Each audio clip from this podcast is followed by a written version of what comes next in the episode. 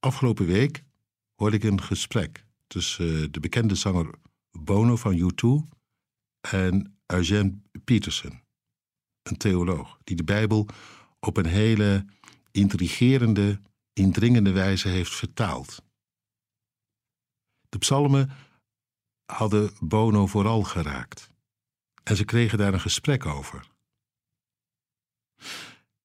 En wat Bono zo opviel was dat die psalmen zo ontzettend eerlijk vertolken wat er gebeurt in je binnenste, waar je mee te dealen hebt in het leven en hoe zich dat verhoudt tot God en hoe je in de war kunt raken en dat er niks wordt gladgestreken en toch dat er altijd dan weer hoop is en verwachting.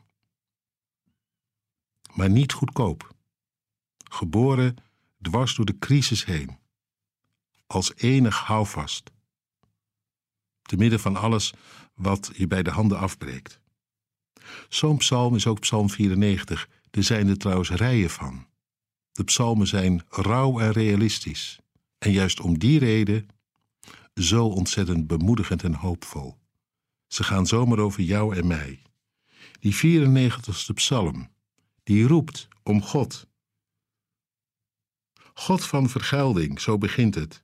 God van, van vergelding, verschijn in luister, verhef u, rechter van de aarde, geef de hoogmoedigen hun loon. Wie zou het soms niet roepen? God, sta op en doe er wat aan en laat dat kwaad dat ongestoord zijn gang kan gaan niet eindeloos voortduren. Een roep om recht, dat is toch niet verkeerd? Dat moet je ook niet schrappen uit de Bijbel. Integendeel, de enige die het beloofd heeft dat hij ook aan het kwaad een eind zal maken, dat is God zelf. En daarom, we roepen erom en hopen dat die dag aanbreekt. De dag van het gericht, zo heet dat dan. Maar ja, kan er intussen niet een heleboel gewoon gebeuren zonder dat hij het ziet? Nou, zegt die dichter hier, dat kun je soms wel eh, denken dat, dat God er geen uh, notie van neemt of heeft, maar weet één ding. In het negende vers. Hij die het oor geplant heeft, zou hij niet horen? Hij die het oog gevormd heeft, zou hij niet zien? Al, al merken wij er niks van, weet één ding: hem ontgaat niets. Ook het kwaad niet, het onrecht wat jou overkomt.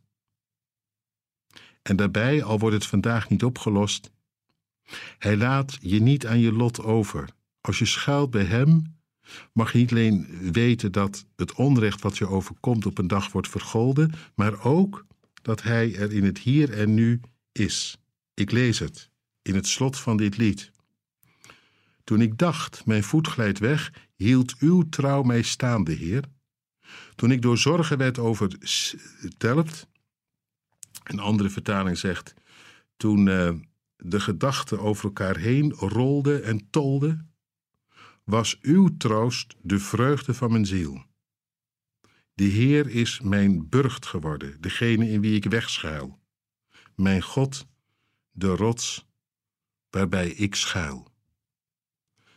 En voor de rest, voor die die onrecht blijft bedrijven, is geen toekomst. Die legt God op een dag voor goed het zwijgen op. Zo eindigt dit lied. En dat zal ook het einde van de geschiedenis wezen. Godlof.